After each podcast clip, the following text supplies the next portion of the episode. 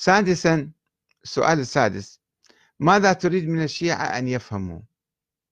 أن أمير المؤمنين علي بن أبي طالب ليس أولى من أبي بكر وعمر وعثمان بخلافة رسول الله أو أن حق الزهراء لم يغمط أو أن أبا طالب مات على الشرك أو أن الحسن عليه السلام ونسله هم الأجدر بحمل السلالة النبوية من آل الحسين. إلى آخر الأسئلة اللي يطرحها الأخ.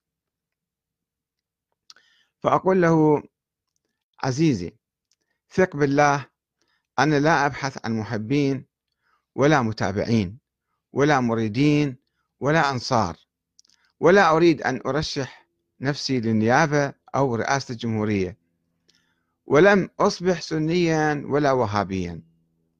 ولو كنت أؤمن بصحة الوهابية أو السنة لأعلنت ذلك بلا خوف ولا خشية من أحد. وقد درست المذهب السني وكتبت في نقده كتابا يعني بعد ما درست كتبت هذا الكتاب آه، هو تطور الفكر السياسي السني نحو خلافة ديمقراطية ونقدت أصول المذهب السني وفروعه بالحقيقة فكيف أكون سنيا؟ وهذا الكتاب موجود ومطبوع من أكثر من عشر سنوات آه، موجود على النت على موقعي الخاص وعلى الفيسبوك وأي واحد يكتب عنوان الكتاب على جوجل يطلع على الكتاب هذا. كما درست المذهب الوهابي. وأيضا بانفتاح وبموضوعية وبدون موقف مسبق. كنت أريد أعرف ما هو المذهب الوهابي. ولو كنت أقتنع بالمذهب الوهابي لكنت أعلن نفسي وهابيا.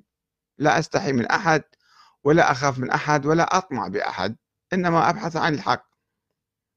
وكتبت كتابا خلاصة دراستي يعني تحت عنوان جذور الاستبداد في الفكر السياسي الوهابي وهو أيضا مطبوع عدة طبعات في لندن وبيروت والقاهرة مدبولي طبع الكتاب أيضا وموجود على النت فمنذ أكثر من 15 عاما يعني هذا الكتاب مطبوع.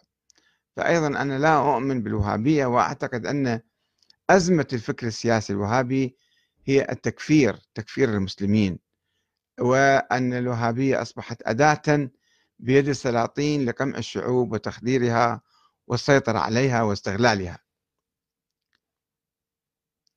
وأنا لا أعتبر أن دين الشيعة باطلا لأن دينهم الإسلام ولا شيء غير الإسلام. توجد بعض الأخطاء بعض الأشياء الدخيلة بعض الانحرافات. أحاول أن أنتقد هذه الأمور. لا أقول أن الشيعة دينهم باطل كما يفعل بعض السلفيين أو بعض الوهابيين الذين يكفرون الناس ومن بينهم الشيعة آه لا الشيعة خلاص كفار مشركون وكذا وريحون أنفسهم.